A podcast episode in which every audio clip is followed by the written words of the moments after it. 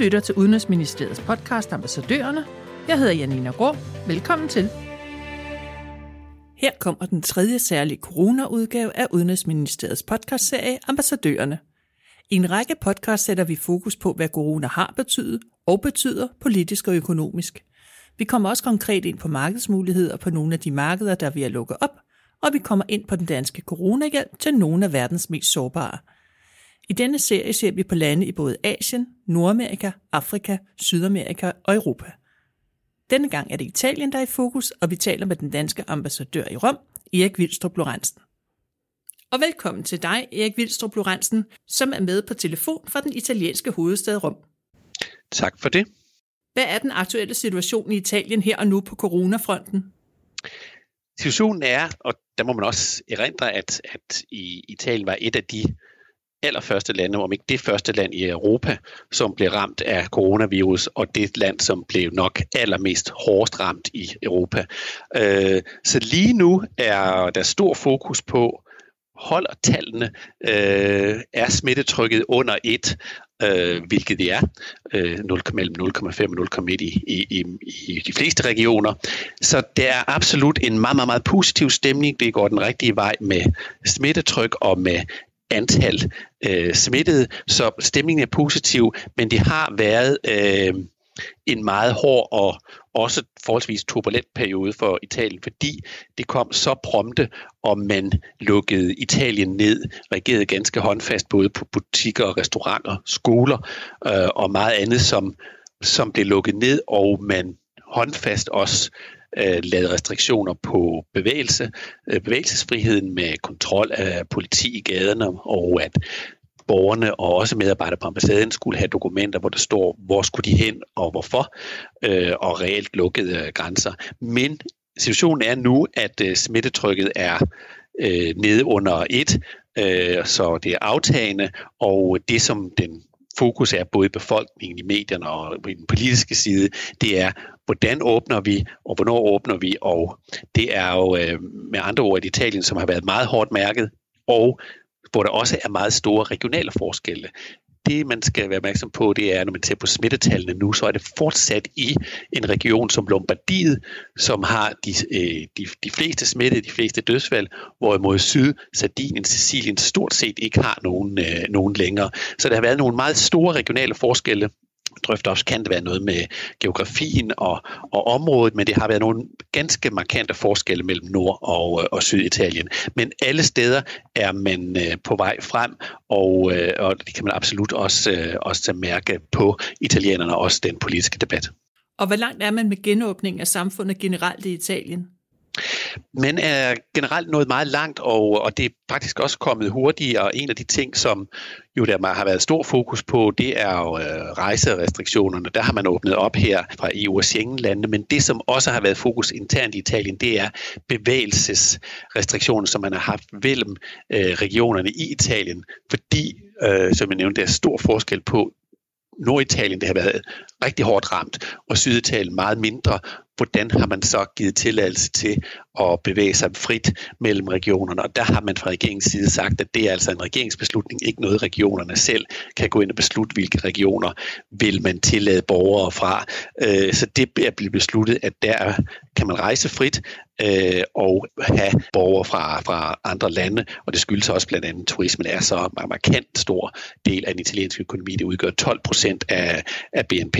Så på nuværende tidspunkt, hvis man skal sætte et tal på, hvor meget er åbne, det er 90 procent måske, men der er typisk også et billede i et bybillede, hvor man kan se trafikken, og man kan se, at folk er glade for at gå på café og restauranter og lignende, men der er krav om øh, at bære maske, øh, når man går ind i mange af øh, butikker og caféer, så det er klart en, øh, en stærk opmærksomhed på, at den ikke må komme tilbage, men absolut en optimisme og spore, at, øh, at, øh, at man er på vej. Men man kan se det, der er meget stor disciplin omkring det at bære masker og holde den øh, fysiske distance, fordi man har været så, øh, så hårdt ramt, og fordi man stadigvæk har de regionale forskelle. Så ja, genåbningen er bestemt i gang. Skolerne starter først til september, men mange af de andre også produktionsenheder, fabrikker og, og offentlige institutioner, de er nu i, i fuld gang med at åbne. Så øh, samfundet er på vej tilbage til, øh, til det, vi kender. Hvis vi skal male med den brede pensel, hvad så er de økonomiske og politiske følgevirkninger af covid-19 i Italien? Altså, der er meget stor opmærksomhed om øh, de økonomiske konsekvenser, og de er ganske markante. Og det, det hører med i billedet, når man skal tale om, hvilke økonomiske konsekvenser der er fremadrettet, så hører det med også, at allerede inden coronaen, der havde man nogle økonomiske udfordringer i Italien. Man havde en meget stor offentlig gæld, og derfor så har det her gjort det ganske vanskeligt øh, for den italienske økonomi. Man forventer at det økonomiske output BNP vil falde med omkring 8%, og den italienske gæld, den offentlige gæld som del af BNP, kan komme helt op på 150%. Så det er en meget stor opmærksomhed omkring de økonomiske udfordringer. Og den italienske regering i det her forløb, bare for blot en måned og to måneder siden, var ude med nogle ganske store øh, hjælpepakker, en martspakke på 25 milliarder euro, en majpakke på 55 milliarder, og også øh, en, en likviditetspakke, som vi set andre steder på helt op omkring 400 milliarder. Så der er virkelig blevet postet penge i at holde den økonomiske øh, situation i gang og, og, og, og, og sikre, at det hele ikke går i stå. Men man må sige, at at det, det hører med, det var, at det har været udfordring i italiensk økonomi forudgående, og det her har bestemt ikke, øh, ikke gjort det nemmere. Men det er lykkedes øh, med disse pakker at holde hånden under virksomheder og arbejdspladser. Og det, som man kan sige, også er, er, er noget, som har betydet både for den italienske regering og, og offentligheden, det er jo en stor opmærksomhed om EU-solidariteten. Man kigger til andre lande for at få støtte, og lige i de her dage og, og uger, der er det jo øh, den økonomiske debat og, om, øh, om kommissionens seneste udspil på et, et fælles budget, og, øh, og også om, at man kan bistå og hele debatten, som man også ser i andre lande om, hvor Tyskland, Frankrig og, og andre ligger sig. Så der er stor opmærksomhed om det. Jeg vil sige, det, det er også, en, det er også en, en, en øget grad af optimisme om, at man finder en løsning, som, som er til gavn for nogle af de sydeuropæiske lande, som har været udfordret af den økonomiske udvikling allerede inden, og også debatten, politiske debat ved at komme tilbage om, når man skal vi gøre nogle flere reformer og lignende, så vi bliver lidt mere robuste. Men der er ingen tvivl om, at den økonomiske situation er der meget stor fokus på. Politisk ser man en stor opbakning til den siddende regering, øh, som er øh, det italienske socialdemokrati og øh, Cinque Stelle, øh, femstjernebevægelsen. Der er stor opbakning samlet set til det, især til den italienske premierminister Conte, øh, som nyder meget stor opbakning, og øh, det er også noget, vi ser øh, i andre lande til øh, premierministerne en stor, stor, øh, stor fokus på økonomiske udfordringer, men også en vilje til at agere, på, øh, agere politisk, og stor fokus og interesse for, hvorledes øh, den økonomiske øh, debat og resultaterne fra, øh, fra EU-topmøder og andet til at spille ud i de her uger, der finder sted nu. Vi skal også tale om den nye eksport- og investeringspakke. For det første skal vi høre, hvor langt Italien er med at genåbne for markedsmulighederne, og for det andet, hvad pakken kan komme til at betyde for dansk erhvervslivs muligheder for at eksportere varer og serviceydelser til Italien. Man må sige, at som nævnt tidligere, så er omkring måske 90 procent åbnet, øh, som vi ser andre steder i Europa også, og, og en stor opmærksomhed om at få gang i økonomien. Og turisme, som er et stort emne, eller et stort øh, erhverv her, øh, i meget, meget, meget øh, stor interesse, fordi derfor så, så man også åbningen 3. juni af, af muligheden for at rejse til fra andre EU-lande. Og det er jo især i de nord, øh, nordlige, øh, nordlige dele af Italien, hvor man havde en svær øh, situation med corona. Så stor interesse for det det, det også hører med til, at, at der, øh, den interesse, der er for den øh, pakke, som, som den danske regering har, har, har lavet, det er, at det man skal huske, det er, at Italien er et meget vigtigt marked for Danmark. Det er den tredje største økonomi i, i EU. De er, har 9. største økonomi i verden. De er et medlem af, af forum som G7, altså de syv største øh, lande af G20, som økonomisk forum var de 20 største økonomier i verden. Så det er et meget vigtigt land at samarbejde. Det er vores 10. største eksportmarked vi har senest omkring 17, 17 øh, milliarder til øh, i eksport til Italien, så det er meget vigtigt. Og derfor så er der også en interesse i fra, øh, fra danske virksomheder til at komme i gang og stor øh, interesse for de muligheder, som den nye pakke har, har givet. Og hvis man skal sige, øh, nogle af, nogle af, af områderne, så havde vi et meget stort eksportfremstød i 2018 med øh, kronprinsparet, 40 virksomheder, øh, og som var et, et meget vellykket eksportfremstød i den forstand, mange fik øh, kontrakter, og det tager vi nogle af de sektorer og tager en ny runde med inden for rammerne af regeringens øh, eksportpakke, og det er inden for nogle af de erhverv, som også var, var, var med hernede. Det er inden for sundhed, det er øh, health generelt, og så er det inden for den grønne omstilling, hvor vi allersenest her i sidste uge har indgået en kontrakt på, for, for en dansk virksomhed inden for, for det grønne område. Så det er der, og det er også noget af det, som måske ikke er så kendt i, i, i, i, i den debat, fordi der er så meget fokus på italiensk økonomi, men i Italien er der også en interesse for den grønne omstilling.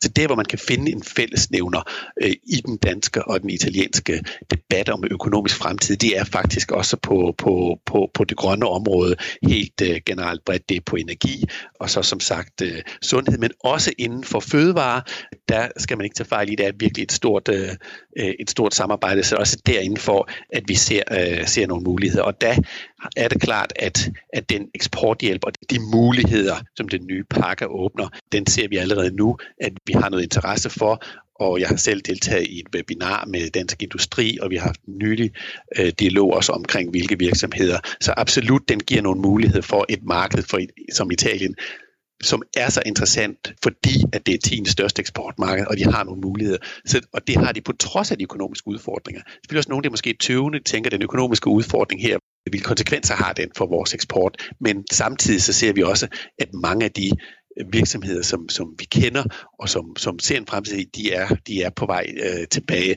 og det er ingen tvivl om, at det er en, det er en mulighed inden for den pakke, som, øh, erhvervspakke, som vi har inden for de områder, jeg nævnt. Der er der nogle gode muligheder, og vi ser allerede begynde at samarbejde nu. Og her til sidst, når du om 10 år tænker tilbage på foråret 2020, er der så en speciel historie, du vil huske? Jeg vil huske nok... Øh, da, da det hele eksploderede, om, om så må sige, og øh, to ting vil jeg sige, som jeg øh, vil, vil huske, det er, da en masse danske turister, især på ski, strander i, i, i det nordlige Italien, hvor vi må omorganisere os på ambassaden midt i coronatiden og, og få lavet en, en ordning, så vi kan klare henvendelserne på telefon, øh, samtidig med, at der er en stor interesse for, hvordan Italien lukker ned fra, fra danske ministerier og offentlige myndigheder og at vi samtidig har øh, fem krydstogtskibe, som vi skal håndtere, hvor et af dem var coronaramt, og hvor vi måtte øh, arrangere særfly sammen med nordiske lande og i tæt samarbejde med København. Øh, der må man sige, det var i tre uger, hvor vi arbejdede 24-7, og vi havde en meget stor del af den centrale koordination med de nordiske samarbejde med Tyskland, og så med, med København og øh, rejsebyråerne for at få hele det øh, arbejde med særfly til øh, til at komme til Genova og få øh, danske og nordiske statsborger hjem. Det lykkedes rigtig fint, så det samarbejde var, var, var, var rigtig fint, men, men det krævede, man må sige, det krævede et, et rigtig stort indsats fra mange af ambassadens medarbejdere også og viste en korpsånd, som jeg selvfølgelig godt vidste, det, det var her, men, men som foldede sig ud på, på, på flotteste vis. Så, øh, så det er den ene ting, jeg vil huske, øh, især den om, omkring håndteringen i de hektiske det med krydstogtskibe, skiturister og andet. Men den anden også er, hvor hurtigt øh, Italien fik lukket ned en by som Rom, som er øh, en af de absolut mest besøgte i Europa, med turister og en historie og, og mange, mange mindesmærker og, og livligt kulturliv lukker ned og som helt lukker ned med, med, med politikontrol og andet, til hvordan den nu er på vej tilbage og, og, og ved at være sig selv igen. Så man kan sige, situationen omkring Rom og Italien, hvordan den håndteres, og så vores egen situation room, næppe for meget kaldt det war room, men det er de to ting, jeg nok vil huske, fordi øh, begge var meget voldsomme og, og lykkedes rigtig fint, så øh, jo, det tror jeg også, jeg vil huske om en rumtid. Det var slut på den tredje særlige udgave af Udenrigsministeriets podcastserie Ambassadørerne. Hvis du vil vide mere, kan du følge ambassadøren på Twitter. Tak til ambassadør Erik Vildstrup Lorentzen, og tak fordi du lyttede med.